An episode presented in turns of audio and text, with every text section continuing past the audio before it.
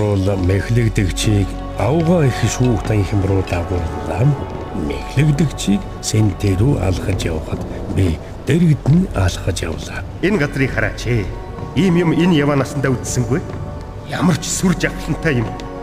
Тэр чинь ёс босуу да. Тэр энд юу хийж байгаа юм? Миний мэдхийн энтгийн хамгийн муу ёрын хүн дээ. Хүсч байвал түүнтэй ярил та. Баярлаа. Ёс босаа. Оо мэхлэгдэгч сайн уу? Би өмнөнд ёс бус байлаа. Харин жайлын эзэн миний нэрийг эвлэрэл болгосон. Хөөх. Гэхдээ чи манай сургуульд хизээж сураагүй. Бас жээлинийг хэн хинээс илүү эсэргүүцдэг байсан. Үнэн. Гэхдээ үнэндээ бол би өөрийгөө өөрийнхөө кейснийг үзэн яддаг байсан. Би сургууль сураагүй учраас эртний бичээсийн талаар жайлны өгдөг амьдралын тухай хизээж сонсоод гэтэл нэг удаа өгөөмрийн ресторанд өнгөө хоол идсэн. Тэр үед 7 хоногийн дараа шүүгдэн чинь санаагүй юм. Яс бусан? Нөө, Сүүлийн үед чамд их хэцүү байгааг би мэднэ. тэр чамд бадгүй. Үнэн дээр бол хамаатай. Тэгээд чамаас асуух гэсэн. Би чиний хоолны үнийг төлж болох уу? Болоо шиг ашгүй өнгөө хоол идэх. Гэхдээ нэг болцолтой. Тэ мэдсэн юм аа. Та үлдээд надтай ярилцах ёстой. Аа, би өнгөө хоолны төлөө чиний жалчхыг төвччих байл. Шалчих бишээ. Энэ бол чин сэтгэлийн яриа. Оолоо аваад. Яс бусан. Би чамд жээлийн тухай ярих гэсэн. Аха. Харин би чамд идмээр байгаа хоолоо хэлэх гэсэн. Би бодүүлэг байсан. Гэхдээ өгөөмөр шийдчихсэн байсан. Тэгээд жайланд амьдралаа өргөхөд хизээч оройтхгүй гэсэн.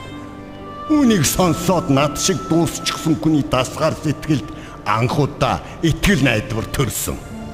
Өгөөмөр намайг ямар ч болцолгүйгээр уучлагдаж жайлны хаанчлалын иргэн болж болно гэсэн. Үүнийг сонсмогцоо би толгой удайсан. Тэгээд миний би ёс ус тэр ресторан дотор гингэнтэл уйлчихсан. Итгэмээргүй юм. Намайг гисэн жайлны хайр намайг хайлуулсан. Би түүгээр уучлуулсан. Тэгээд би үлдсэн бүх амьдралаа жайлын эзний эрх мэдэлд өргөсөн. Эндэлд би жайланд 7 хоног үйлчилсэн ч үүнийгэн үнэн голоосоор хийсэн. Дарам талж дээрэмдсэн хүмүүс дээрээ очоод өршөөл уучлалт гуйж авснаасаа ихийг эргүүлж төлсөн. Тэгээд одоо чи эвлэрэл болсон юм биз дээ? Бид одоо явах хэрэгтэй. Аа, тэгэлгүй яах вэ? Тэгвэл эвлэрлээ. Баяр та. Баяр та. Юу гэж сайжсэ? Сэтгэл уужирчлаа. Жээлэн ёс бусыг таалсан бол намайг ч таалах нь гарцаагүй. Тэгэд ч би насаараа л жээлэнд итгэсэн шүү дээ. Ёс бусаас удаан итгэсэн. Сэжис Одоо чи Желиний синтэ рүү өөрөө очих ёстой. би ганцаараа юу? Тэгээд түнд мэхийг ярэ. Жээлэн хаам. Таны өмнө михий. Мэхлэгдэгчээ. Жэн Яравын хаан ажлыг тайлагнах цаг ирлээ. Гайхалтай юм аа. Миний амьдрал байна шүү дээ. Хүүх. Миний бүх амьдрал. Жээлийн хаан агуу нэгүүлсэнгүй гэдгийг мэдсэн. Тэрний нэгүүлсэл үгүй бол би тусаад гэсэн. Гэхдээ би санаа зовхгүй байд. Учир нь Жээлийн хаан биднийг энд мартагдшгүй цагийг өнгөрөө. Энэний төлөө өршөөл байдаг болсон. Жээл нь надад маш онцгой нэр өгнө гэдэгт би найдаж байгаа. Жишээлбэл игээрсэн эсвэл хант гэдэг ч юм уу. Үгүй ээ. Би энийг хүмүүст үзүүлмээргүй байна. Хөөе. Сайн уу? Би чамтай танилцмаар байна. Хөгжилдүүл ямар байна? Аа? Ой. Үнийг цааш нь хөөцүүлээч. Төгсөлтийн дараа хэдэн өдөр чи ёстой харивсан да. Тэгээ дараа нь би нэг охин тавтаад тэгээ тэр маань Яасан гэж. Үгүй яах вэ? Жимс болчихсон. Чи ч Жайлны хааны хуулиар амьдраагүй болтой. Гэхдээ тэр намайг төгсөвч гэдгийг мэднэ. Тиймээс л тэр нэгүсэлтэй дүүр. Тэрэнд итгэмжтэй байж бусдыг өстой хул байв. Бүх юм биш шүү дээ.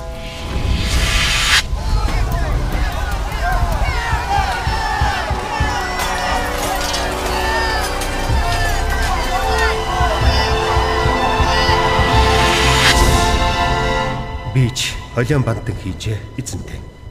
Гэхдээ танд хизээч итгэхэ болоогүй минь бүү мартаарай.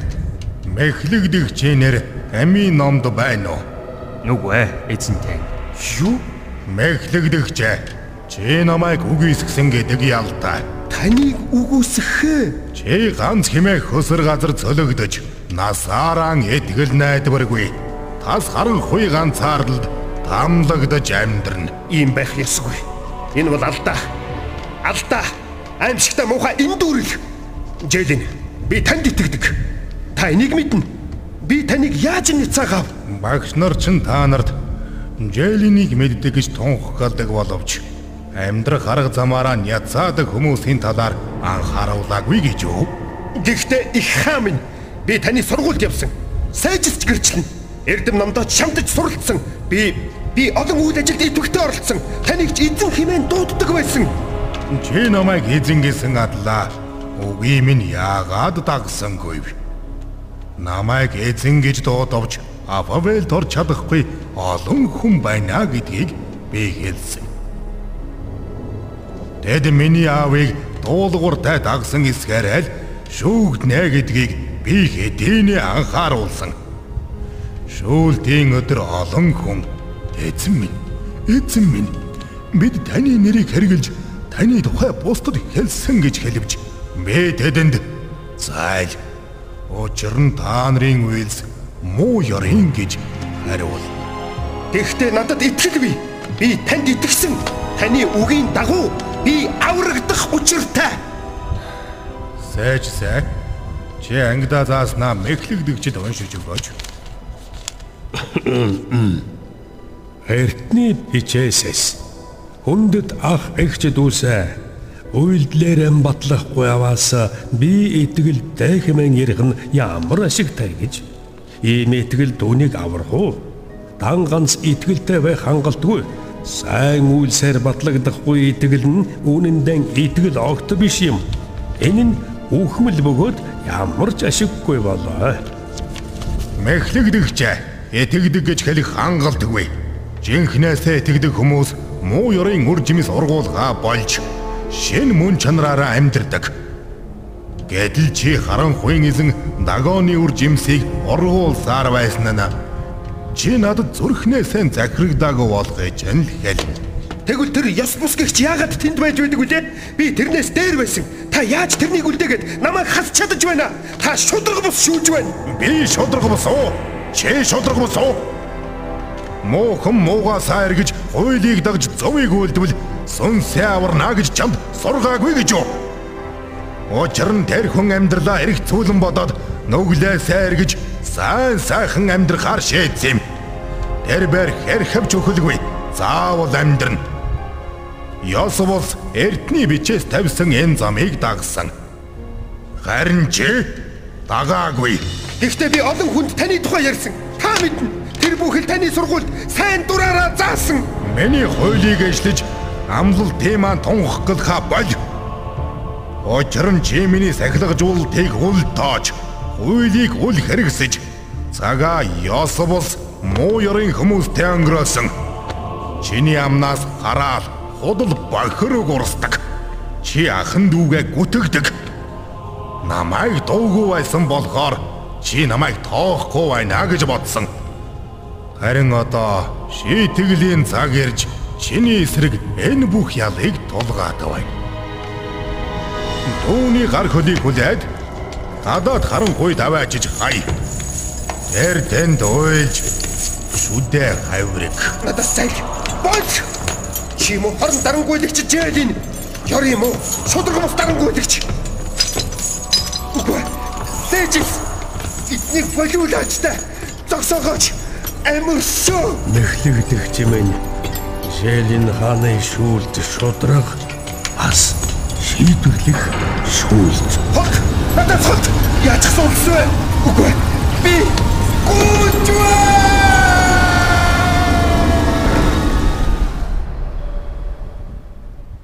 Сэжис. тийм ээ эзэн Орийнхоо нүдэнд цэвэравч Охиросон цэвэрлэгдэггүй үеийнхэн байх.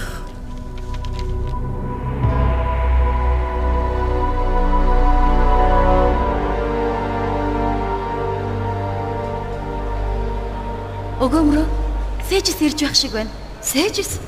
Өгөөмрөө. Бүргээ. Таныг энд байгаа гэж сонслоо. Хэлээч. Би тагч яасан бэ? Бас аминч. Бас мэгтэгдэрч. Сэжис. Яагаа вэ? Цаг нь болохоор бүгд мэдэгдэнэ. Юу гэсэн үг вэ? Сонсогтун, сонсогтун. Агва шүүх танхимд игжээлэн хааны өмнө зогсох дараагийн хүн бол бүрг Миний миний ээлж ирлээ. Заалив бүргэ. Өгөөмөр минь баяртай. Найз минь баяртай.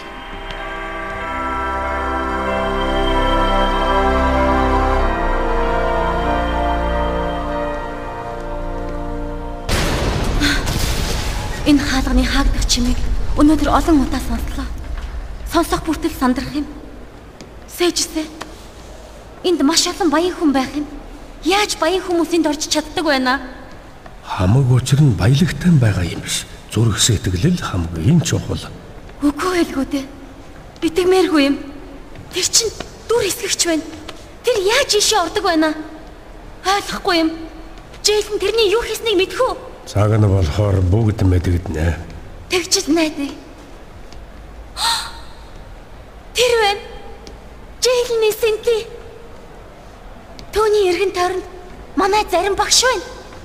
Бүргэ. Чи синтэ рүү ганцаараа очих ёстой. Зүгээрээ би ойлголоо.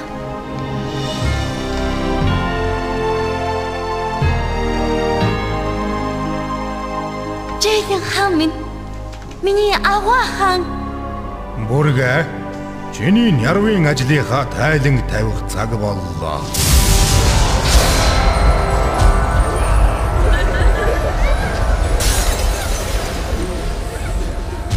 Сургуультан үнэхээр шамдан сурсанд чинь багш нь чамаараа үнэхээр бахархаж байна.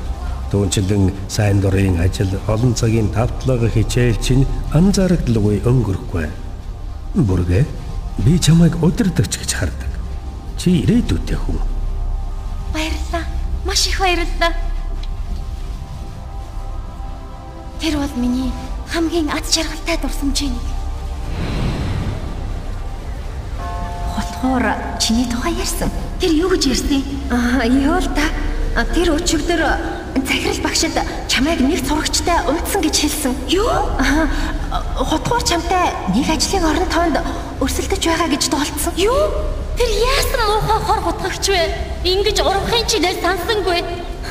Тэр энэндээ харамснаа гайгүй. Үл уучлал нь хорслын үнсийг бас зүрхий чинь боомлох үнсийг ургуулах шинтэй хөрс алт юм шүү. Гэтэ юу гэж?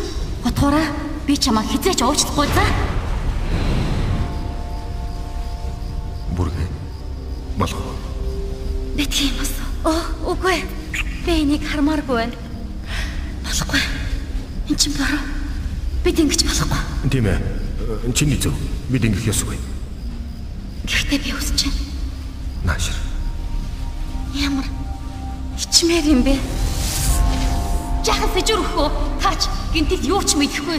Цагаан цайлган хүн болж хувирлаа та. Хоёр үг хэлчихье. Нэгдүгээрт бутууртай. Утгуурын Хоёр дахь нь завхаарам. чи эндүүч. Энэ дүүрэд байх юм байхгүй. Би та хоёрыг өчигдөр орой хоёр нүдэрээ харсан. Би чамд бүхнээ өгсөн. Гэтэл чи надад яаж ингэж хандж байгаа юм бэ? Очиж очиж тэр хотхоор аваатай шүү. Чи дүрэсгэгчийг уучлсан уу? Уучлаарай. Юу гинэ? Чи дүрэсгэгчийг хийсэн хэргийнхэн төлөө уучлсан уу? Тэр намайг яасныг та өөрөө хараагүй гэж юу? Тэр миний амьдралыг сүйтгэсэн. Тэр хамгийн муу ёрын зүйл хийсэн. Гэхдээ дүрэсгэгч чиний амьдралыг сүрүүлээгүй. Харин чиний үл уучлал сүйтгэсэн юм. Бусдыг уучлахгүй бол би чамайг уучлахгүй гэдгийг эндэлд чамд заагаагүй гэж юу? Та тэгвэл өөрөө яах гэж тийм хорон могоог тэр сургуульд байхыг зөвшөөрсөн юм бэ? Би хүмүүст дааж дийлшгүй сарлыг хизээж төвшөөрдөг вэ. Чи унсан.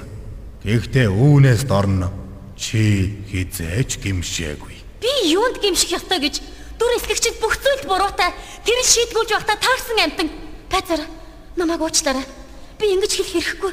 Гэхдээ Джейлин минь та Танд хичнээн их зориулагдаж байсны минь битгий мартаачтай гуйж байна. Бүргийн нэр амийн номонд байна уу? Үгүй ээ, эзэн тийм минь. Байхгүй гинэ. Байхгүй гинэ. Амийн номд байхгүй гэдэг чинь юу гэсэн үг юм бэ? Бүрэг жамд зөвөөс дайжиж надаас урван ядцаасан гэдэг ял тулгаж байна. Тиймээс чи үлдсэн амьдралаа ганц химээх хөсөр газар цөлөгдөж насаараа итгэл найдваргүй тас харанхуй ганцаардалд тамлагдаж амьдрна. Үгүй. Үгүй. Энд чинь худлаа. Жэйдин эзэн минь би танд итгэсэн. Саята миний амьдралыг үзэхдээ өөрөө хараа бидтэй. Би идэлээ батлан харуулж сайн амьдэрсэн. Тийм ээ. Миний зүрх хатуурсан. Гэхдээ энэ миний буруугаас болоогүй. Тэр чинь хутгуурын буруу. Бас дүрээс хэгчийн буруу. Багш нарынхаа заасан миний анхааруулгыг чи мартсан гэж юу? Муу ёр инхүү тархаж олон хүний хайр хөрнө. Харин эзээ хүртэл тэлсэн хүн аврагдана. Гэтэл чи эзээ хүртэл тэлсэнгүй. Ихтэй Жэйдин эзэн. Би хүн аврагдсан бол авралаа хизээч алдахгүй мөнхөд хадгална гэж итгэдэг байсан. Зарим багш нар ч ингэж заадаг байсан. Тэд хинч намайг таны мутраас салгахгүй гэж заадаг байсан. Тийм ээ, тэр үнэн. Гэнж чамайг миний мутраас салгахгүй. Гэхдээ би хизээч чи өөрөө надаас хизээч явж чадахгүй гэж хэлээгүй. Энэ сонголтыг хийх хүч нь ганцхан чамд л байсан. Сэжис Эзэн ба аврагч Желенийг мэдэх мэдлэгээр л муу ёрын хүчээс зогдсон атлан эргээд тэрнийхэн боол болдог хүмүүс хамгийн солгүй ээ. Учир нь эцэстэн тэд эхнийхээ дор байдалд очдог. Тэд зөвийн замыг мэдсэн атлан ариун тушаалаас эргэсэн дорвол анханасаа зөвийн замыг мэдээгүй байсан бол хавьгүй тэр байгсан. Би тэднийг зөвийн замыг хизээж мдээгүй байсан бол дээр байгсан гэж хэлсэн. Учир нь тэд аврагдаагүй байснаас тааж дор байдалд очдог. Авралыг алдах боломжгүй гэдэгт чи яаж итгэж чадваа? Алдаж боломгүй бол яаж тэд эхнийхээсээ дор байдалд орох вүлээ? Чи яагаад миний үгийг гойволсон багш нарыг сонсдог вүлээ? Би бүх хүнд зөвийн замыг мэдүүлэхийн тулд маш тодорхой бичсэн. Тийм байдал чи яагаад мэхлэгдэв? Чи миний үгэнд итгэсэн бол зүрхэнд их хорсолтойгоо нүур тулгал байсан. Гэтэл чи авралаа алдахгүй гэсэн хуурамч хамгаалтаас эдгэл амарч ямар ч хараа хяналтгүйгээр хорслтыг үржүүлжээ. Өөнөөсөө болж чи одоо сэрэмжилж болох байсан ял дунаад байна. Гэхдээ би хэндэлд олон сайн юм хийсэн. Би шүдүүлэх чараа дамжуулан зөв хүмүүс нүглийн зам руу эргэж нүгэлтэн мэд амьдравал тэд амьдрах ёстой гэж үү? Үгүй ээ, мэдээж үгүй. Тэдний өмнөх сайн сайхан нь мартагдаж тэд нүглийнхээ төлөө үхнэ. Гэтэл та нар эзэн шудраг биш байна гэдэг. Намайг сонс. Би шудраг болсоо. Та нар шудраг болсоо. Зөв хүмүүс сайн замаасаа эргэж нүгэлт юмс үйлдвэл тэд үүнийхээ төлөө үхэх болно. Тийм ээ. Тэд нүгэлт үйлийнхээ төлөө үхнэ гэж хэлсэн. Яг л бичигдсэн шиг. Чиний сайн сайхан хийгээд сайн үйлс мартагдаж нэгэнч чиний төлөө тооцогдохгүй. Гэхдээ эзэн хэрв би таныг аврагчаар тоглох юм бол нэр минь амийн номд бичигдэнэ гэсэн. Тэгээд яхаараа миний нэр байдгүй лээ. Богшүүхийг даван гарсан хүмүүс бол ялсан хүмүүс юм. Дүүнчлэн би ялагчин цагаан хувцаар гоёх бөгөөд би түүний нэрийг амийн номоос арьжихгүй гэж хэлсэн бэлээ. Хэрв би ялагчийн нэрийг арьжихгүй гэж хэлсэн бол ямар ч нэрийг нь тэндээс арчиж болдог гэдэг нь тодорхой байна. Эсвөгөөс би намайг эзнэрээ тунх гал бол нэр чинь амийн номонд мөнхөд бөхлөгднө гэж хэлэх байсан. Гэхдээ гэхдээ та яаж намайг ганц хэмээх газар руу илгээж чадаж байна? Сайжс. Эндлийн бүх хэрэгдэм мэдих эрдний бичээсийн хэсгээс уншиж өгнө. Ойлголтын замаас гаждаг хүн үхэлтэй хамт хажуулна.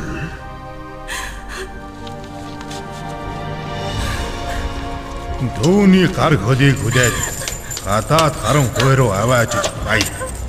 Тэр тэнд уйлан шүдэ хаврыг. Учир нь олон хүн дуудагдсан ч цөөхөн хүн сонгогдсон.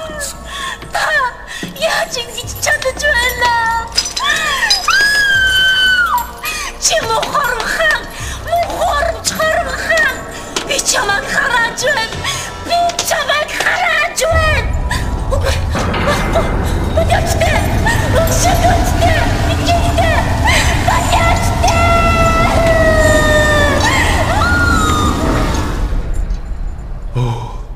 Охин минь Сэжис. Энд ирсэн хүмүүсийн төлөө хилээж. Да эзэнтэй. Эртний бичээсээс эрхэм нөхдөө бид үнний бүрэн мэдлэгийг хүлээж авсан хонон нүгэл үйлдсээр байвал энэ нүглийг төлөх өөр ямар ч тахил байхгүй тэдэнд шэйлийн аимшигт шүүхээс өөр хүсэн хүлээх юм юу ч байхгүй болно. Дурэсгэгч. Ямд даалгагдсан нэгний сүйрлийг хоёр нүдээр чинь харуулахын тулд би чамайг дуудсан болно. Миний сэнтэд ойрт. Зогс. Харуула.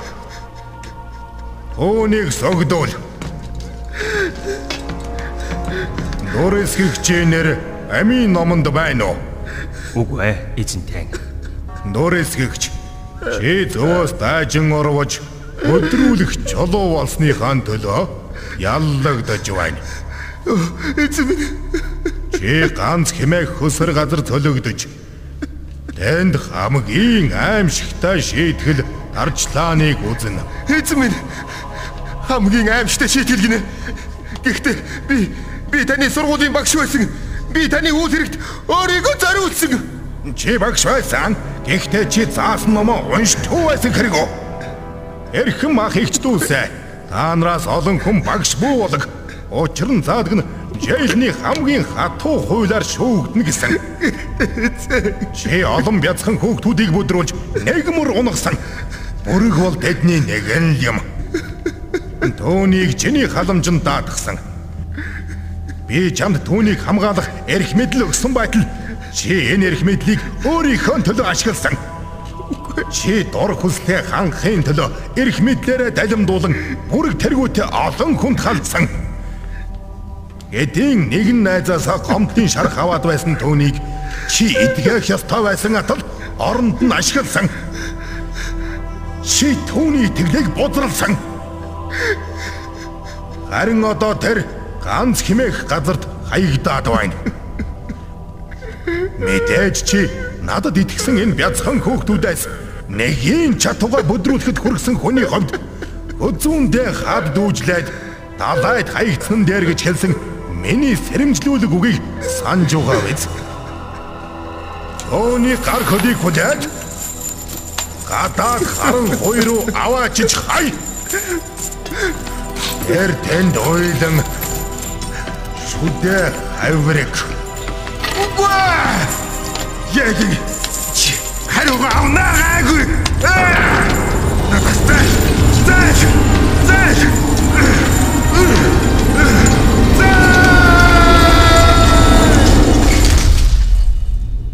Таны шүүлт үнэхээр үнэн бөгөөд шодраг.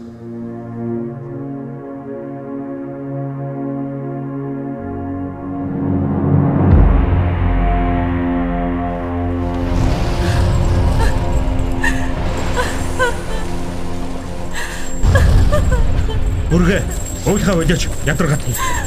Эглэгдэгч. Амаа тат. Хөө хөөрхий. Би одоо чам шиг имийг сонсох уу? Чамайг ямар багш гэдгийг. Чи ганц хэмээх газарт төгсөх шив. Ой, жолооч. Энэ газар чи ус байдгийм үү? Би цангаад байна. Нэмэргүй дээ. Хөө, ноён би дагч. Би танаас санаа бодлыг чи асуусан гэж юу? Жолооч. Би чиний жолооч биш. Би чиний ялыг үзэлдүүлэх Джейлений зарц байна. Маанга бид бүгдээрээ цангаж байна. Тэгээд нэг насаараа ингэж цангах болно. Чи чим асууж л би энэ амжилттай газарт ирсэн. Хонгор чи өөрөөсөө болж энд ирсэн байх шүү. Үгүй ээ. Чим асууж чи намайг ингэсэн.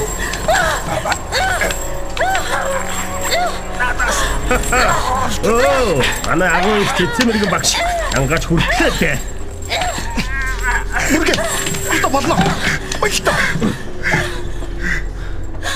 Урд юм байна. Юу юм бол? Самхаг юм уу? Агуу маяг юм байх. Ирж байна. Ганц юм их газрын авах. Манай шин тэр. Чөө.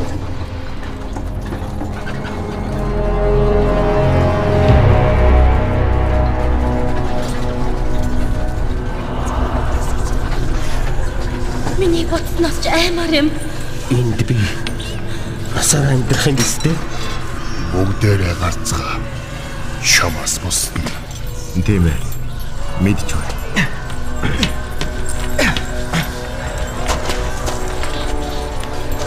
Чамайг мянган тав хийх хүсье. Эхнийхээ өдрөөс л Чиж бас баяртай.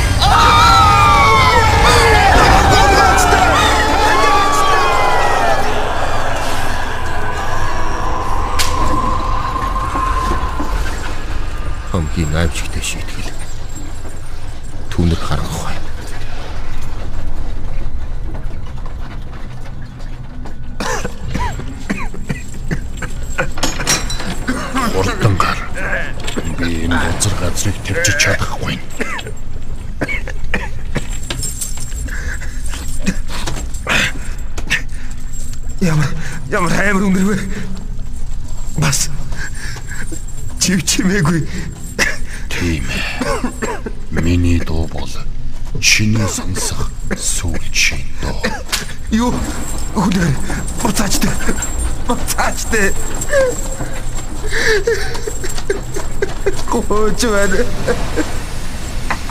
Үгүй.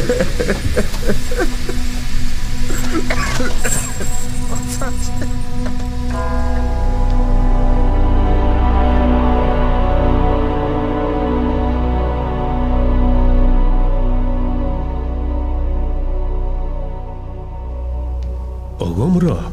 Сэжис Ийм удаан хүлээлгсэн дуучлаарай. бүрэг яасан. Цаг нь болохоор бүгд илжлэгдэнэ. Сэжис Цагийн юм цагтаа. Оо, чи уншиж байх шүү. Тийм ээ. Би хизээч ийм олон гайхамшигтай ном үзсэнгүй. Жишээлбэл энэ алфабетийн 2 дугаар бичээс байна.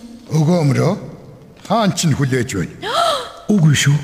Түүнд бусдын л адил хандах ёстой. Та итгэлтэй байна уу? Тийм ээ. За мэдлээ. Сонсох туун, сонсох туун. Ауга шүүх танхимд их жээлэн хааны өмнө зогсох дараагийн хүн бол өгөөмөр. Ямар вэ? Хамаагүй дээр. Баярлалаа. Өгөөмрөө.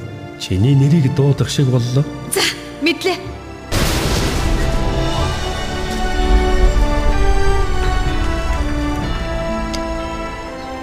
Би Джелентэй уулзах нь байна штэ. Сэжис ямар гайхалтай юм бэ? Сэнти. Мөн үү? Тийм ээ. Тэр бол Желиний Синти. Наашир.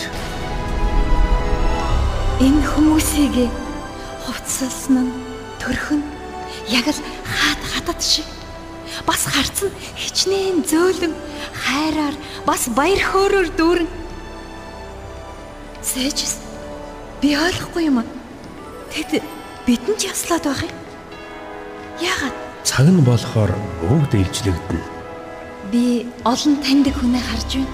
Тэдэнтэй уулзсан. Одоохондоо болохгүй. Тэр яс бус байна.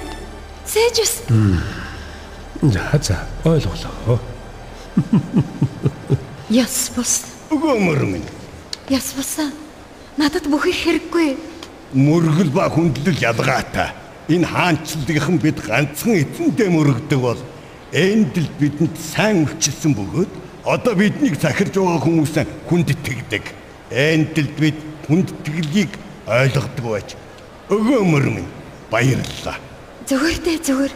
Чи хаанд дуулууртай байгаагүй бол би хизээч энд орохгүй байсан. Яг одоо ганц химэх газарт дарчилж гівдэх байлаа. Юу юунаас илүү би хаандан өртөө бөгөөд талархаж байгаа ч чамд бас талархаж бай. Насан турш чамайг хүндэтгэж үйлчлэх нь миний хувьд завшаан билээ. Гэхдээ би танаар хожим үйлчлүүлэх гэж эндэлд ярилцсан биш шүү дээ. Би таны төлөө санаа тавьсан учраас л тантай ярилцсан. Энэ зүрхнийхээ улмаас чи хаанаасаа үлэмж шагнал авна да. Жайлан бусдад хайраар ханддаг хүмүүсийг таалдаг. Эндэлд бид жайлны алсын харааг харах төдийгүй зүрх сэтгэлийг нь харах ёстой байсан. Хайрт дүн чамд аль аль нь байсан учраас чиний зүрхний сэтэл надад хүрсэн. Тиймээс л би эндэлд байсан сүүлийнхээ 7 хоногт маш олон хүнд нөлөөлсөн. Хэдий богинохон хугацаа байсан ч өдөгөө би хүчин зүтгэлийнхээ төлөө үлэмж шагналан аваад байна. Энэ бүхэн чинь чиний л ач. Би таны төлөө насаараа үйлчлэхэд ч баяртай байна. Чи яг л апобелд олон жил болсон хүн шиг ярьж байна. Энэ агуу хотод бид бие биедээ үйлчлэх ёстой. Үнэн дээр энд өдөрдөж байгаа нь хамгийн агуу зарцнаар байдаг. Үүрэг маань хэдий томч энэ бидний хувьд завшаа юм. Энтхийн иргэдийн агуу баяр хөөр нь нэгдүгээр хаанда дараа нь бусад иргэдэд ялангуяа энэ төл бидэнд үйлчилсэн хүмүүст үйлчлэх юм. Хүндэт ах яс бус минь. Өгөөмрөө би чинь ёс бус биш эвлэрэл болсон. Юу та ерөөлтэй нэрвэ? Хүндэт дүүмэн чамаараа бахархъя. Одоо хаанда бараалах та. Сэжис уучлаарай. Уучлалыг хүлээж авлаа. Би бодохдоо юу болов? Ямар үзэсгэлэнтэй гайхамшигтай юм бэ? Одоо шатаар гарч болно. Би чамайг минь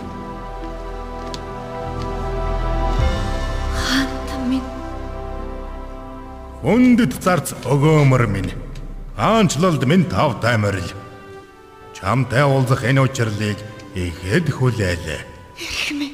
Би ч бас тэсэн ядан хүлээлээ.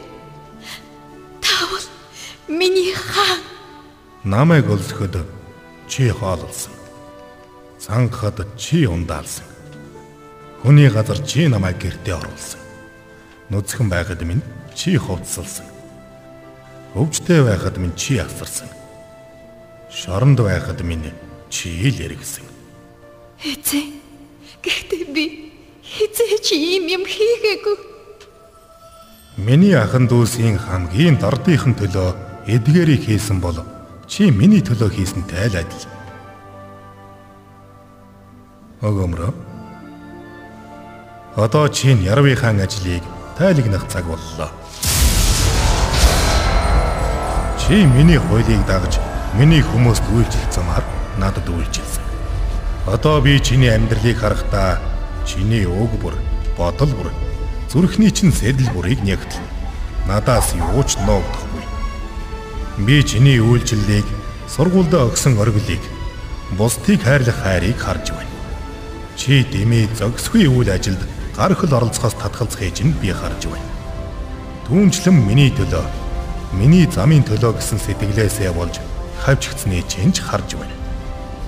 Ресторанаараа бусдыг ирөөсний чинж харлаа. Бусад иргэдийгээ гүтгэж, хов жив тараахаас татгалзны чинж бас харлаа. Тэгээд бас өгөөмрөө төөрсөн хүмүүсийн авралын төлөө харанхуйд асгаруулan уйлж байхад чинь би чамтай хамт уйлсан. Би мэдээгүй штэ. Өгөөмрөө чи зарим боломжийг алдсан. Шүүх ба үйлдэхтэй алдаа гаргасан. Заримдаа миний дууг сонсоогүй. Тэгээд чамд ийм тогтоол гаргалаа.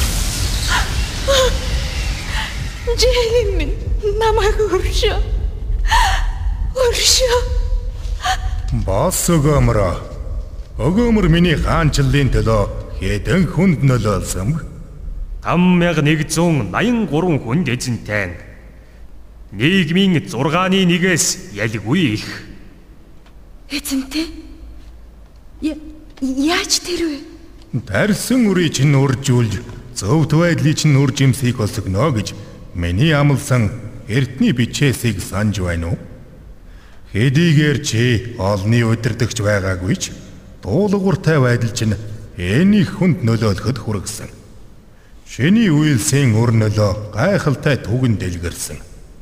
Ганц хүний өгөөмөр чанар газар сайгүй тарахдаг гэдэг үг шиг л. Тэр ядуус догдөг. Түүний үйлс шудраг бөгөөд сайн. Түүний зөөлөн сэтгэл өгөөмөр чанар үеийн үед үргэлжилнэ.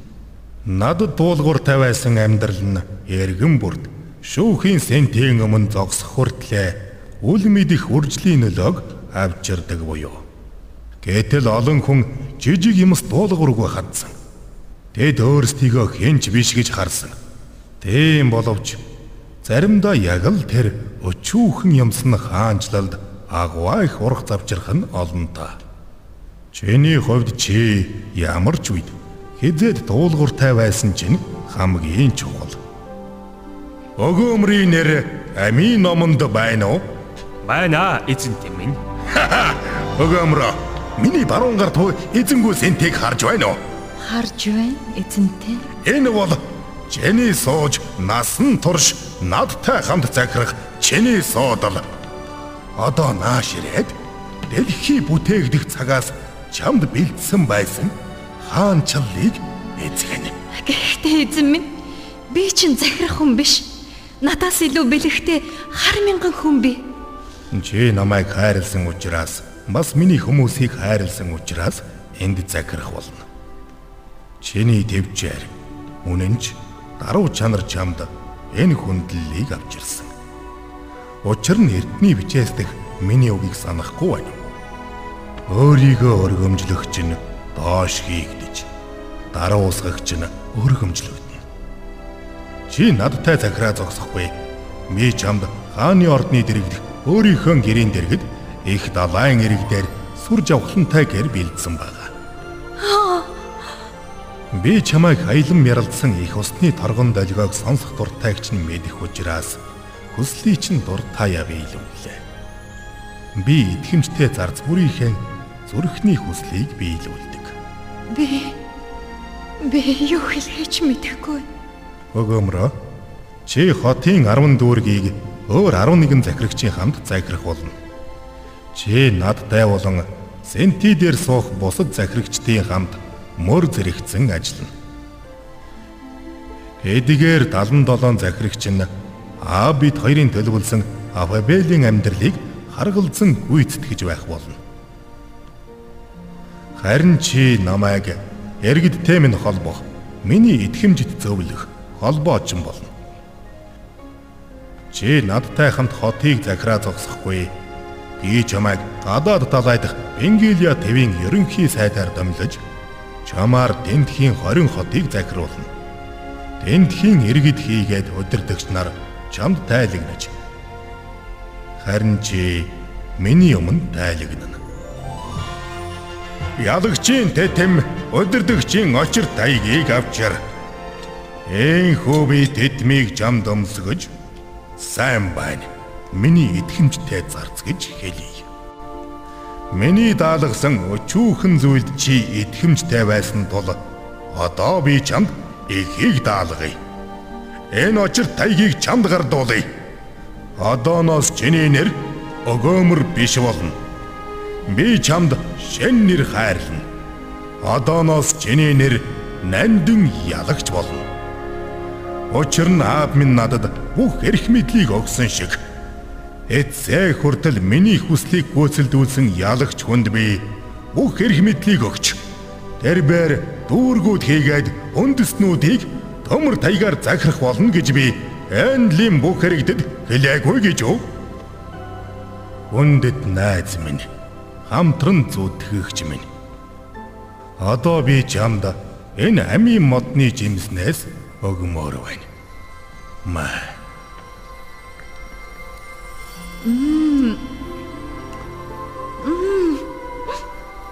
Ямар амттай юм бэ? Амттай төдөөгүй. Намайг дотроос минь цэв цэвэрхэн болгочих шиг боллоо. Яг л цог шин хүн болгочихсон юм шиг. Наашир. Нандин ялагч минь. Эргээд гэр бүлэн хар. Сайн байна. Миний итгэмжид сайн зарц. Эзнийхээ баяр хөөрт ор.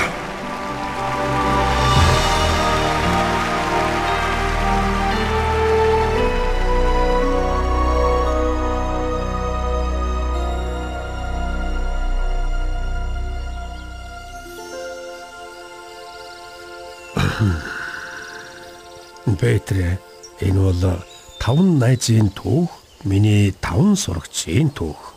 Бөх ийм түүх ёстой сонсож явсангүй. Энэ түүхийг хүмүүст дуулгах л гэж чамайг сонгосон юм. Хүмүүст сануулга бас уран болгож яар. Уучлаарай. Та сая сонгосон гэв үү? Явах цаг минь боллоо. Үндэслэн байгуулагч эзэгтэй болон Жэлэн хаантай хийх зөвлөх хуралтай Хүлэгэр хүлэгэр бэзэр бэзэр. Та та та хаантай бас автон ажилтг юм уу? Тийм ээ. Бид эглээс л хамтран ажиллаж байна. За залуу найз минь баяр таа. Чи сайн ажилланаа. Хүлэгэж сэжсэ. Битгий дахиад агуу орчхооч тээ. Сэжс та хаач гэнэ вэ? Сэжс. Хаш. Хашаалга болчихвоо. Сэжс минь инхэ болол доо. Сэжс. Агууд байгаа болов. Юу вэ? Базара базара. Агуу чугаа. Саяхан линд байсан шүү дээ. Миний доо хураагүй. Энэ миний хувийн бичлэг. Миний саяын үтсэн зүйл. Энэ дэлхийд ямар нэгэн нөлөө авчрах эсхийг бүү мэд. Үнийг ирээдүүлэх харуулах байх. Энэ их нуруулсан их үлсийн зүг харахад донд нь нэгэн авраг мод үзэгдэнэ. Яг л яг л нуруулсан их улс шиг юм эртний нэгэн мод.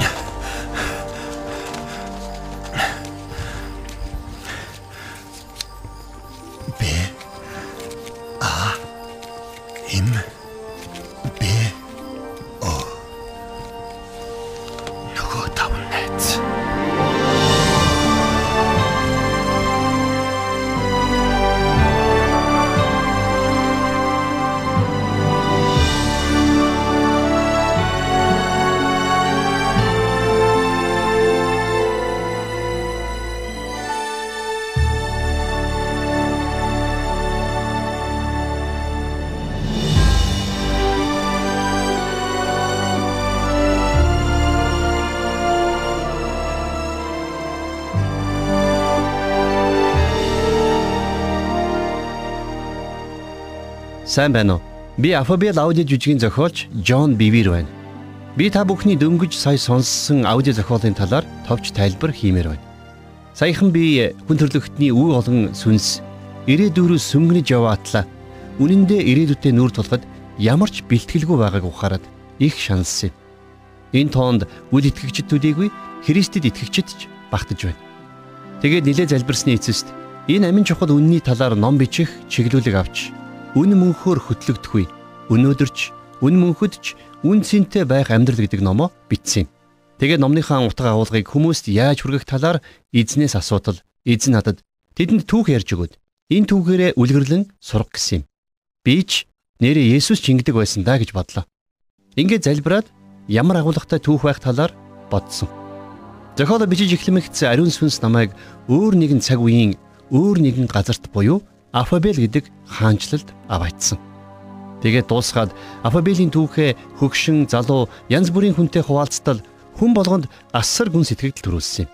Тэгмэгц энийг мэрэгжлийн төвшөнд найруулсан сонсдог жүжигийн бүтээл болгож тавих хэрэгтэй гэдгийг манайхан ойлгосон. Ингиж тойрвсон бүтээлийг маань та дөнгөж сая сонслоо. Түүхэнд гарч байгаа Жалин хаан бол Есүс Христ юм. Хаан эцэг нь Бурхан Аавыг төлөөлнө. Сейжес ариун сүнс бол хааны харуулууд нь Бурханы тэнгэр элч нарыг төлөөлж байна. Эндээлийн сургуулийн багш нар нь сайн мэдээний үйлчлэгч нарыг төлөөлнө. А Дагон нь мэдээж сатан.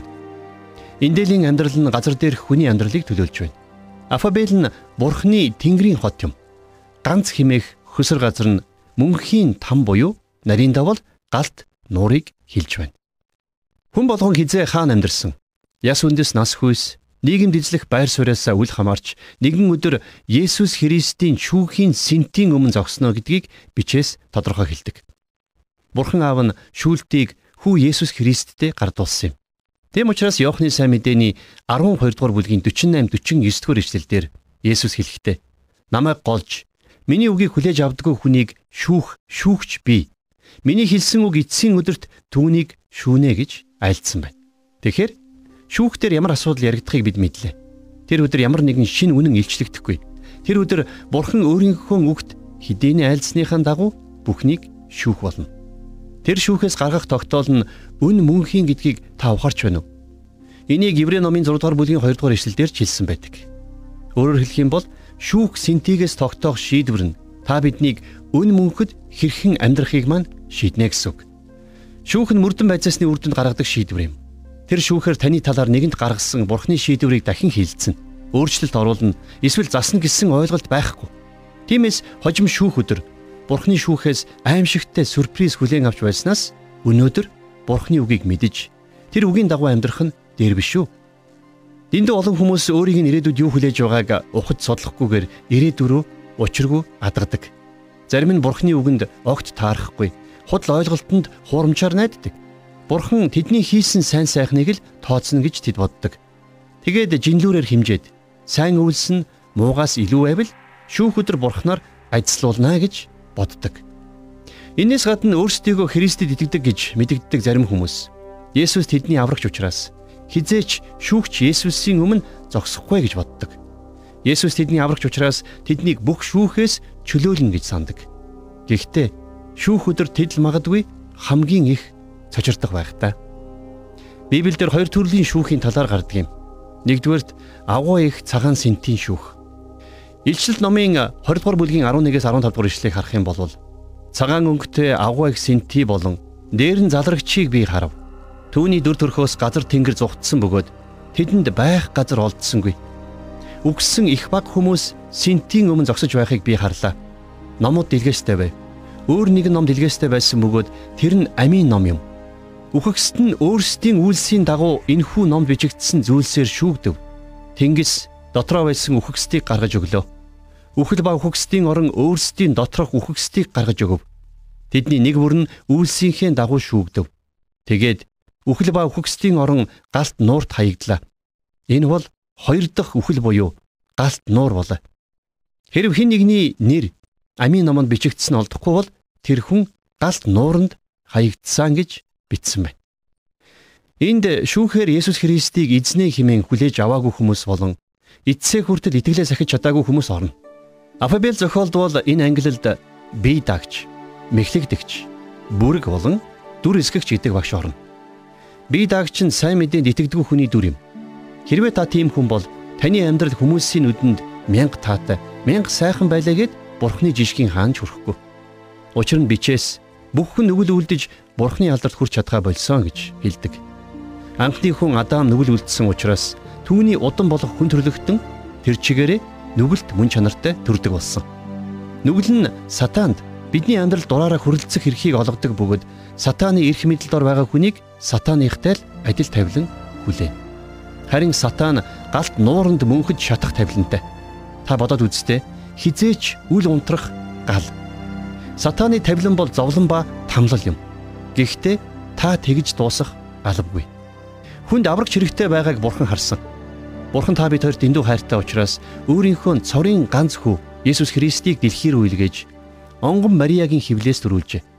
Ийхүү Есүс Бурханы хүү учраас 100% Бурхан онгон бүсгүйгээс мэндэлсэн учраас 100% хүн байсан юм. Тиймээс л Есүс хүн төрлөختнийг боолчилсан нүглээс эрх чөлөөтэй байсан. Есүс хэдий Бурхан байсан боловч нүглийн дахил болж өргөгдөхийн тулд Тэнгэрлэг эрх ямбаас бүрэн татгалзаж хүн болсон. Тэр загламай цавдлуулахдаа хүн төрлөختний нүглийн шийтгэлийн төлөөсийг бүрэн төлсөн юм. Тиймээс Христэд итгэсэн Христийн дотор байгаа хүмүүст дайсан хүрх ирэхгүй болдог. Тэд нүглийн хүлээс дайсны урьхаас эрх чөлөөтэй болдог. Есүсийг эзнээ болгон хүлээж авсан хүний нэр амийн номонд бичигдэж тэрээр мөнхөд бурхны хаанчлал орно. Тэр хүн мөнхөд галт нууранд хаягдахгүй. Галт нуур нь угтаа хүнд биш харин сатаанд болон тэрний хамсаатнуудад зориулагдсан бүтээгдсэн юм. За мэхлэгдэгч гэдэг хүний дүрээр Есүсийг эзнээ болгон хүлээж авсан ч гэсэн Бурхны хүслээр биш өөрийнхөө дураар амьдрдаг хүнийг дүрсэлсэн байна. Тэд Есүс Христэд жинкнээс итгээгүй учраас сүнсний ДНХ нь нүгэлтэд хിവэрэл байсан. Ийм хүмүүсийн тухайд Матай сайн мэдээ номны 7 дугаар бүлгийн 21 дугаар эшлэлдэр Есүс хэлэхдээ намайг эзэн минь эзэн минь гэсэн болгон Тэнгэрийн хаанчлалд орохгүй. Харин Тэнгэрт байгаа миний аавын хүслийг биелүүлдэг хүн орно гэж тодорхой хэлсэн байна. Маш олон эрэгтэй эмэгтэйчүүд өөрсдийгөө аврагдсан Тэнгэрийн усад найдвартай орно гэж итгэх боловч хожим Тэнгэрээс татгалцсан хариу сонсноо гэдгийг бичээс маш тодорхой хэлжээ. Тэд нар өөрсдөө мэхлэгдэг зогсохгүй мөн нүгэлт амьдралаараа бусдыгч замаас нь төрүүлдэг. Бүрэг бол Есүсийн эзний эрх мэдэлд амьдралаа жинкнээсээ өргөсөн боловч итгэлээ эцсээ хүртэл сахиж чадаагүй хүнийг төлөөлнө. Библиэлд ийм хүмүүсийн талаар Харин хожимын цагт зарим нь итгэлээ орхиж мэхлэгч сүнснүүдэд болон чөтгөрүүдийн номлол анхаарлаа хандуулна гэж сүнс тодорхой хэлдэг юм а гэж сэрэмжлүүлсэн байна. Энэ бол 1-р Тимотийн 4-ийн 1-р ишлэл. Үүнээс гадна Есүс ч эцсээ хүртэл твцсэн нь аврагдана гэж дахин дахин айлдсан байдаг. Итгэлийн амьдрал нь хурдны биш, төвчээрийн гүйлт юм. Авралаас тийм амархан салчихгүй ч гэсэн салах боломжтой бөгөөд эцсийн өдрүүдэд олон хүн ингэнэ гэж хэлсэн. Есүс өөрөө биднийг хизээч орхихгүй бас хаяхгүй гэж хэлснээс биш. Бид түүнийг хизээч орхихгүй бас хаяхгүй гэж хэлээгүй. Энэ дэлхий дээр хамгийн агуу харилцааг хаяж явах зүрхтэн бас байдаг ажээ.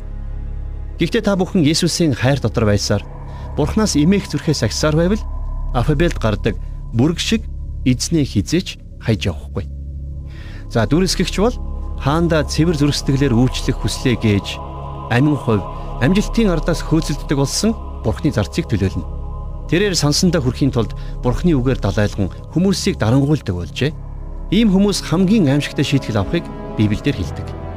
Үнэн дээр тэд нарыг мөнхийн мөнхөд тас харанхуй, түнэр харанхуйлалд байна гэдгийг Библи хоёрын хоёр удаа онцгойлон хэлсэн.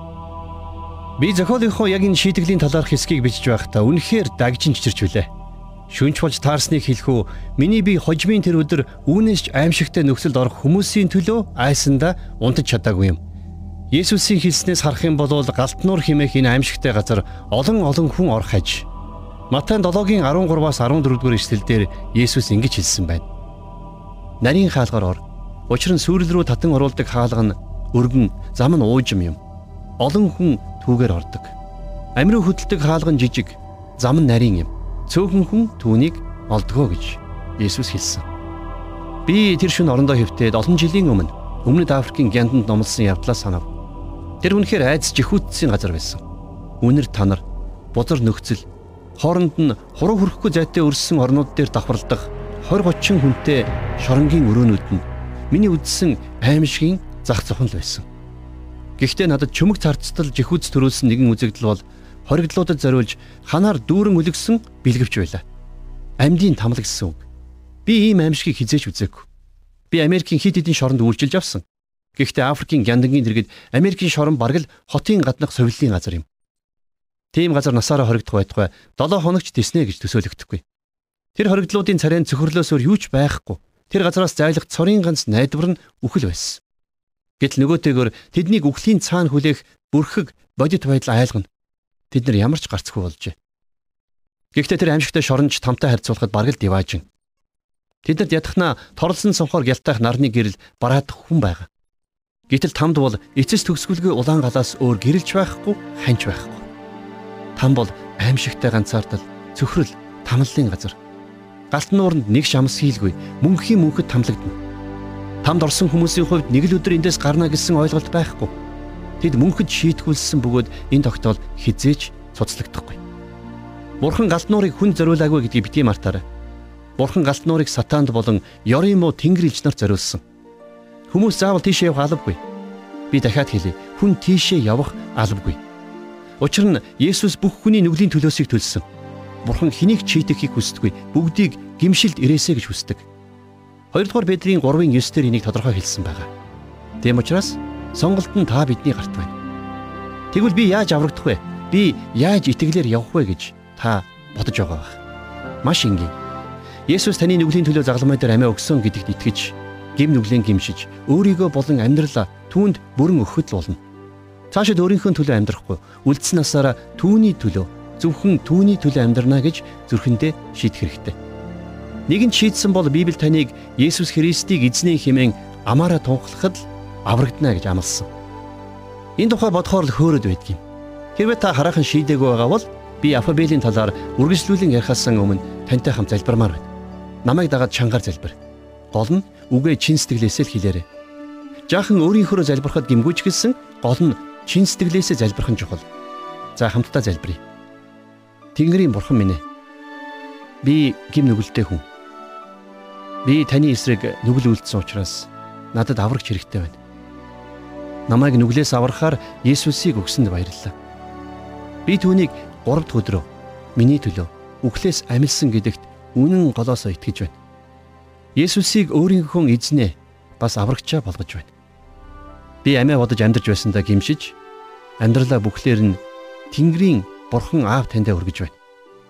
Одооноос эхлэн би эзэн эзэнтэн Есүс Христтэй үйлчлэнэ. Есүсийн нэрээр залбирлаа. Амен. Баяр хүргэе. Иргэдчин байсан бол ёстой л таныг тас твэрмээр байна. Одоо та Бурхны гэр бүлийн гишүүн, хааны хүүхэд боллоо. Бид нар Есүс Христийг эзэн ба аврагчаар хүлээж авахдаа үхдэг. Бүр яг боддоор үхдэг. Библиэлд энийг хуучин хүн үхэж бид нар цоошин бүтээл болдгоо гэсэн байна. Та бид нар амьд бурхны хүүхдүүд болж сүнсээр төрдөг. Одоо түүний гэр бүл түүний хаанчлалд ороод байна. Хэрвээ та чин сэтгэлээсээ залбирсан бол дараа нь дараах дөрвөн зүйлийг заавал хийгээрэй. Нэгдүгээрт Есүст амьдралаа өгснөө бусад итгэгч нарт мэдэгдээрэй. Тэгэхээр тэд таныг итгэлийн амьдралдаа өсгөд чинь туслана. За хоёрдугаарт Библи уншиж эхэл. Ингиж та Бурхны үгээр зүрхээ ундаална. Яагад үг гэвэл хинч дөнгөж мэдлсэн няраг гудамжинд орхиод өөрөө амьдр гэдгүй шүүд. Нялх хүүхдийг хүн болгохын тулд эхлээд цүүгээр дараа нь бор хоолоор тижих хэрэгтэй. Тэгэхээр Бурхны үг бол сүнслэг хоол. Тийм учраас Библи түүгээр тижээгдэн өсөхийн тулд шинээр мэдлсэн яраа шиг үгийн цэвэр сүг хүсэн тэмүүл гэж бидэнд заасан байна. За харин 3 дугаарт Библиэд итгэдэг чуулганыг олоод итгэмжтэйгээр хамрагдаар. Нэг ч цуглааныг битгий тасал. Хамгийн гайхалтай нь би өөрийнхөө амьдралыг харах юм бол очихоос өмнө өнөөдөр явмааргүй байна. Өнөөдөр ядарч байна. Маргааш их ажилтаа юм чинь яваад яах юм гэж бодогдсон цуглаан дээр л Бурхан миний төлөө хүчрхэг ажилла хийсэн байдаг. Тийм учраас цуглаанаа хизээч битгий тасал. За бүр таслахгүйгээр үл барам Бурхантай уулзаж учирна гэж догтлон байж яаран байж очоорой. Эцэст нь буюу дөрөвдүгээрт хуучин мөн чанар чинь угаагдж яг үнэндээ устж шинэ амьдрал чинь Есүс Христийн эзний эрх мэдэл бүрэн зархигдсан гэдгийг гэрчлэх дуулууртай үйлс болгон олон нийтийн өмнө усан баптизм хүртээрэй. Манай үйлчлэлтэй утсаар юм уу имэйлээр холбогдож Есүс Христийг эзэн ба аврагчаар хүлээж авснаа мэдэгдвэл бид Есүс Христэд шинээр итгэж Бурхны хүүхэд, Бурхны гэр бүлийн гишүүн болсны чинь баяр хөөргийг хуваалцмаар байна. Манай цахим хаяг болвоос Messenger International цэг.org. Афебел жүжигийг сонсоод аврагдсан гэрчлэлийг чинь бид дуртаяа хүлээн авах болно. Харин одоо анхаарлаа Христэд итгэгчдийг шүүх шүүхэд хандуулъя. Есүсийг аврагчаар хүлээгээд авчихсан учраас шүүгч Есүсийн өмнө зогсохгүй гэж итгэдэг Христэд итгэгчид олон байдаг. Гэхдээ энэ нь бүхлээрээ худлаа юм. Та яг одоо миний хэлэх үгийг анхааралтай сонсоорой. Загламай дээрх Есүсийн үхэлд хэрхэн хандсанараа бид хаана үн мөнхөд амьдрахаа шийднэ. Харин итгэгч хүнийхээ хувьд хэрхэн амьдрснараа үн мөнхөд яаж амьдрахаа шийддэг юм. Цагаан сэнтийн шүүх нь үл итгэгчдийг шүүх газар. Гэхдээ Библиэлд өөр нэгэн шүүх суудлын талаар өгүүлдэг. Энэ нь итгэгчдийг шүүх Христийн шүүх суудал юм. 2 дугаар Коринтын 5 дугаар бүлгийн 8-аас 10 дугаар ишлэлдэр бид урамтай байдаг бөгөөд биеэсээ холдон явж эзэнтэй хамт гэртээ байх нь хавьгүй дээр гэж боддгоо гэж бичсэн байна.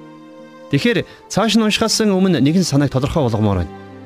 Паулийн онцгойлон Христэд итгэгчдэд хандан ярьж байгаа юм шүү. Учир нь тэрээр биеэсээ холдох нь эзэнтэй хамт байх юм гэсэн байна. Тэгвэл нүгэлтэн биеэсээ явахдаа эзний дэргэд очилгүй там руу явдаг. Гэхдээ Паул цааш нь итгэгчдийн талаар юу гэж хэлснийг харъя. Тиймд гэртээ байсан ч, гэрээсээ холдсон ч түүнд таалагдах нь бидний ирмэлзэл билээ. Учир нь хүн бүр муугч бай, сайнигч бай, юу үлдснийхээ төлөө биеэрээ хариугаа авахын тулд бид бүгдээрээ Христийн шүүхийн суудлын өмнө гарч ирэх ёстой гэсэн байна. Саяын ишлэгийг өөр нэгэн орчуулгаас би уншиж өгье. Учир нь сайн байна уу, ёрим уу байна уу? Бид байхдаа хийсэн зүйлийнхээ дагуу хөлсөө хүлээн авахын тулд бид нар бүгдээрээ Христийн шүүх суудлын өмнө зогсохдоо илэрхий болон харагдана. Тэрээр ямар санаа зориг, сэтэл агуулж байсан. Алдаа оноо хийсэн ажил үйлс зорилгоо биелүүлэхийн төлөө өөрийгөө болоод анхаарлаа хандуулж байсныг нь харгалзан үзнэ гэсэн байна. Ёстой янзтай. Итгэгчдийн шүүхтэр бид нар Христэд итгэгч хүнийхэн хувьд хэрхэн амьдрснаа тайлгнах нь байна. Бидний үйлс, бидний үг, бидний бодол, бидний сэтэл тэрч бүхэл бидний агуулж байсан санаа маань ч гэсэн шүүгднэ гэсэн үг. Тэгэхээр энэ шүүхийг хоёр гол хэсэгт ангилж болно. Нэгдүгээрт Бурхны хаанчлалыг байгуулахад хэрхэн оролцсон бэ? Хоёрдугаарт хөв хүний амьдралыг хэрхэн байгуулсан? Энэнд мэдээж бидний өөрийн маань амьдралж гисэн багтана.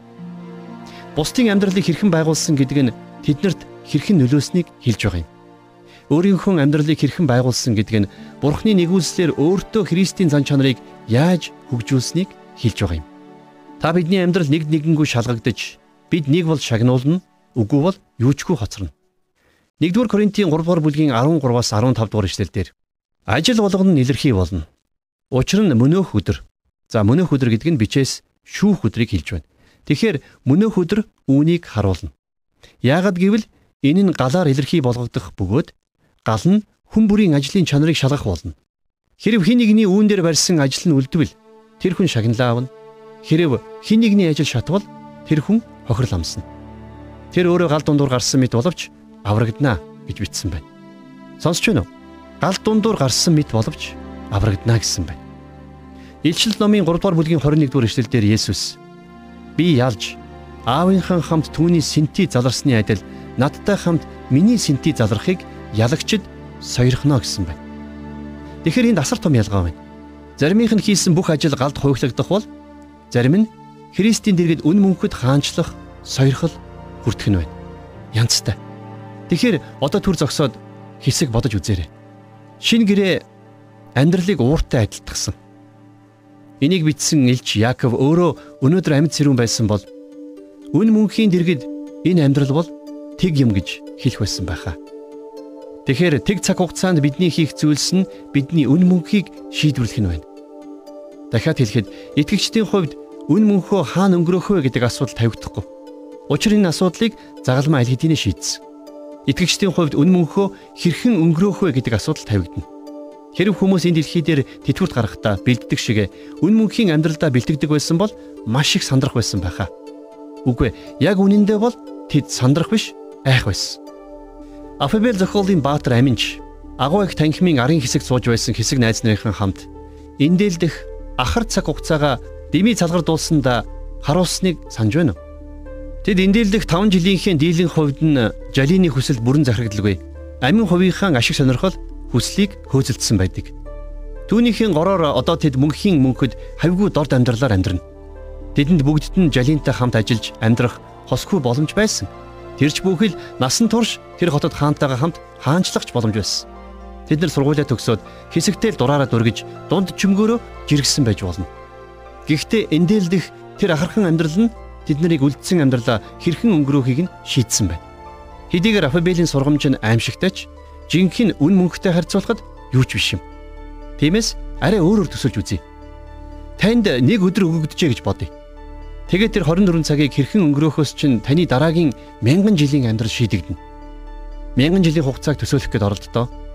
Ухрааж бодох юм бол энэ нь Америк улс мэдлэхээс ч өмнө Кристофор Колумб шинэ ертөнцийг нээхээр далайд гарахаас ч өмнө Артур хаан дугуй ширээнийхэн бааtruудтай хаанчилж эхлэхээс ч өмнө эхэлсэн цаг хугацаа шүү дээ.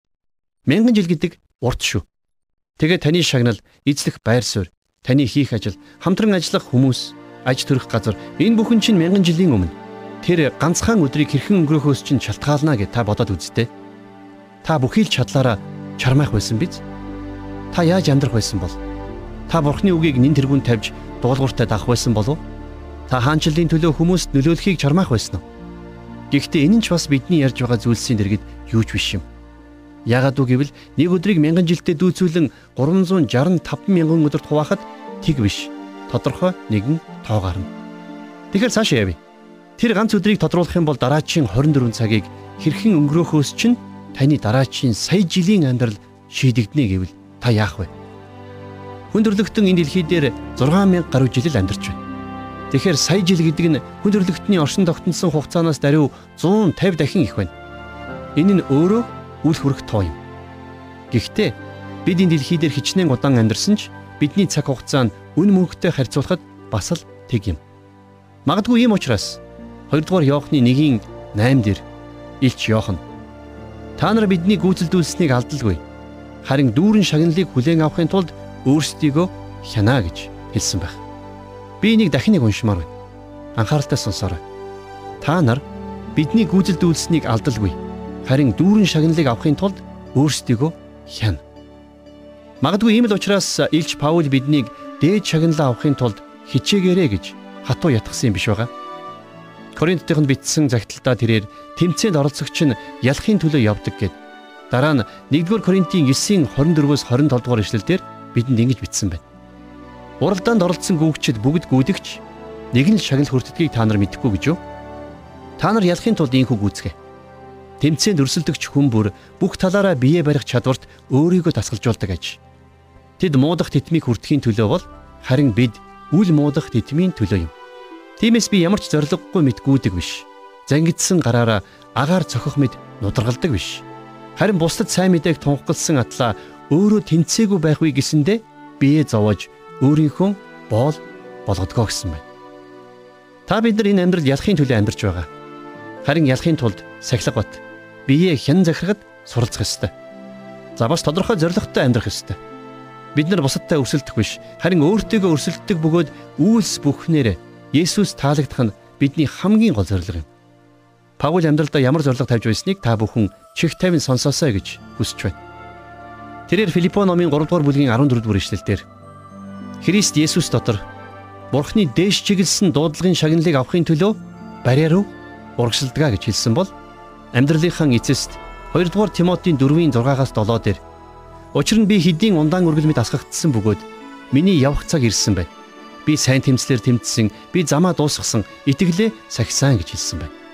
Тэгэхээр Паул би тэмцээнэ дуусгасан гэсэн байна. Тэгвэл 1-р Коринтын 9:24 дээр түүний хэлсэн үгийг дахин сонсъё. Уралдаанд оролцсон гүүгчд бүгд гүйдэгч нэг нь л шагнал хүртдгийг та нар мэдэхгүй гэж юу? Та нар ялахын тулд ийхүү гүйцгээ гэсэн байна. Илчил номын 3 дугаар бүлгийн 11 дугаар эшлэлдэр Есүс өөрөө биднэрт хандаж Би удахгүй очино. Хиндэж титмээ алдахгүй тулд өөрт байгаагаа бат сах гэж хэлсэн байна. Би дахиад уншмаар байна. Би удахгүй очино. Хиндэж титмээ алдахгүй тулд өөрт байгаагаа бат сах. Маш өндөр бооцоо байна. Бид нар өөрт алгагдсан газар дээрх ахархаан цаг хугацаанд хөнгөн хуумгай хандаж болохгүй. Бурхны дуудлагад дуулууртай хандах хэсгээс хүмүүсийн үн мөнгийн хувь тавилан шалтгаалдаг. Бүх хүн аврагдаж Есүстэй адилхан болохыг Бурхан хүсдэг.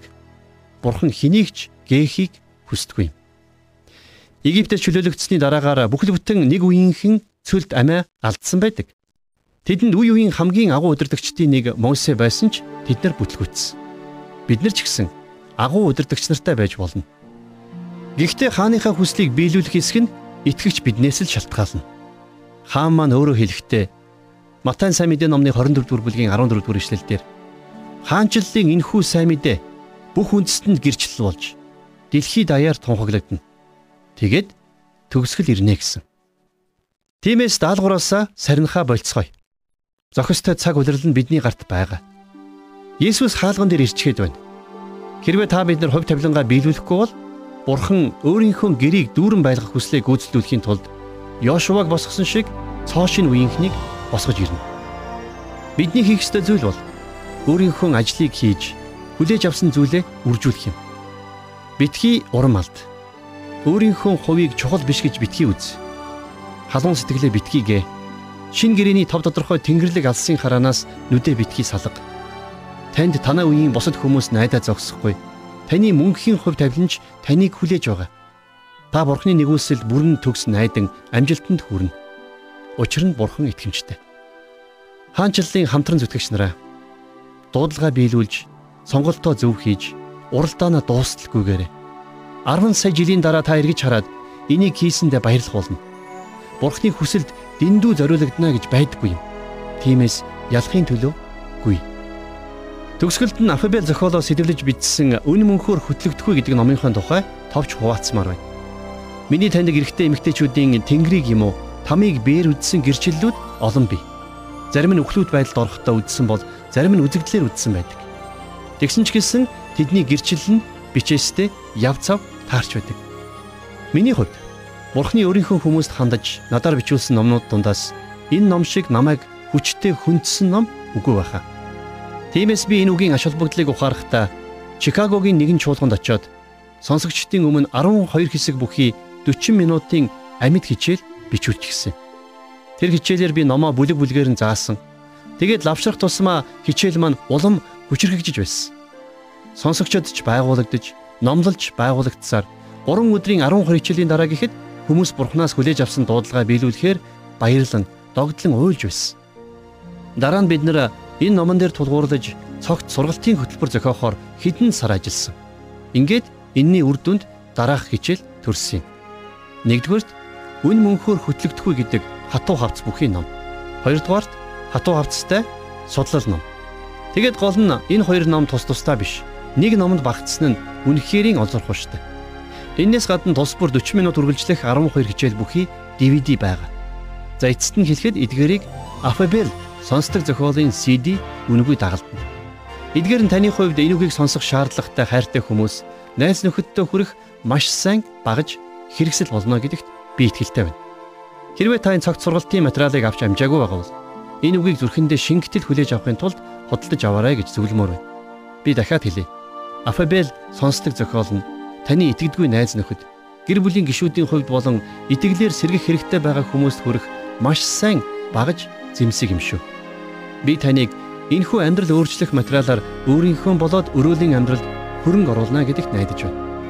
Төгсгөлд нь би тантай хамт залбирая. Бурхан таны амьдралд өөрийнхөө хүссэн төлөвлөгөөг биелүүлэхийн төлөө Бурханы нэгүүлсэлд хамтдаа найдая. Тэнгэрлэг аава намайг хүү Есүсээр дамжуулж аварсанд баярлалаа. Таны хүслийг газар дээр биелүүлэх нь ямар чухал болохыг би ойлголоо. Тэм учраас та надаар энэ амьдралд яг юу хийлэхийг хүсэж байгаагаа тодорхой харуулж өгөөч. Би танаас зөвхөн хүслийг асуугаа зогсохгүй. Энийг хийж чадах нэгүслийг гуйж байна. Би Есүс Христийн дотор хувь тавилангаа биелүүлэхийг үнэхээр хүсэж байна. Миний залбирлыг сонссонд баярлалаа. Есүсийн нэрээр залбирч байна. Амен.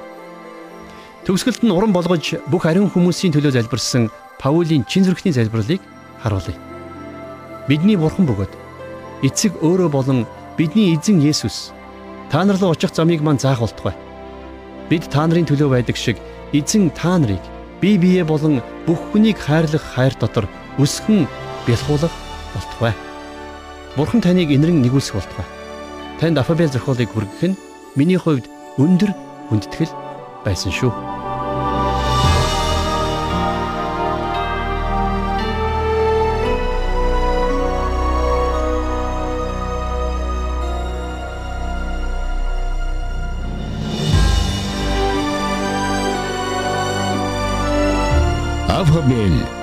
Өнөмөнхрөө өнгих цонх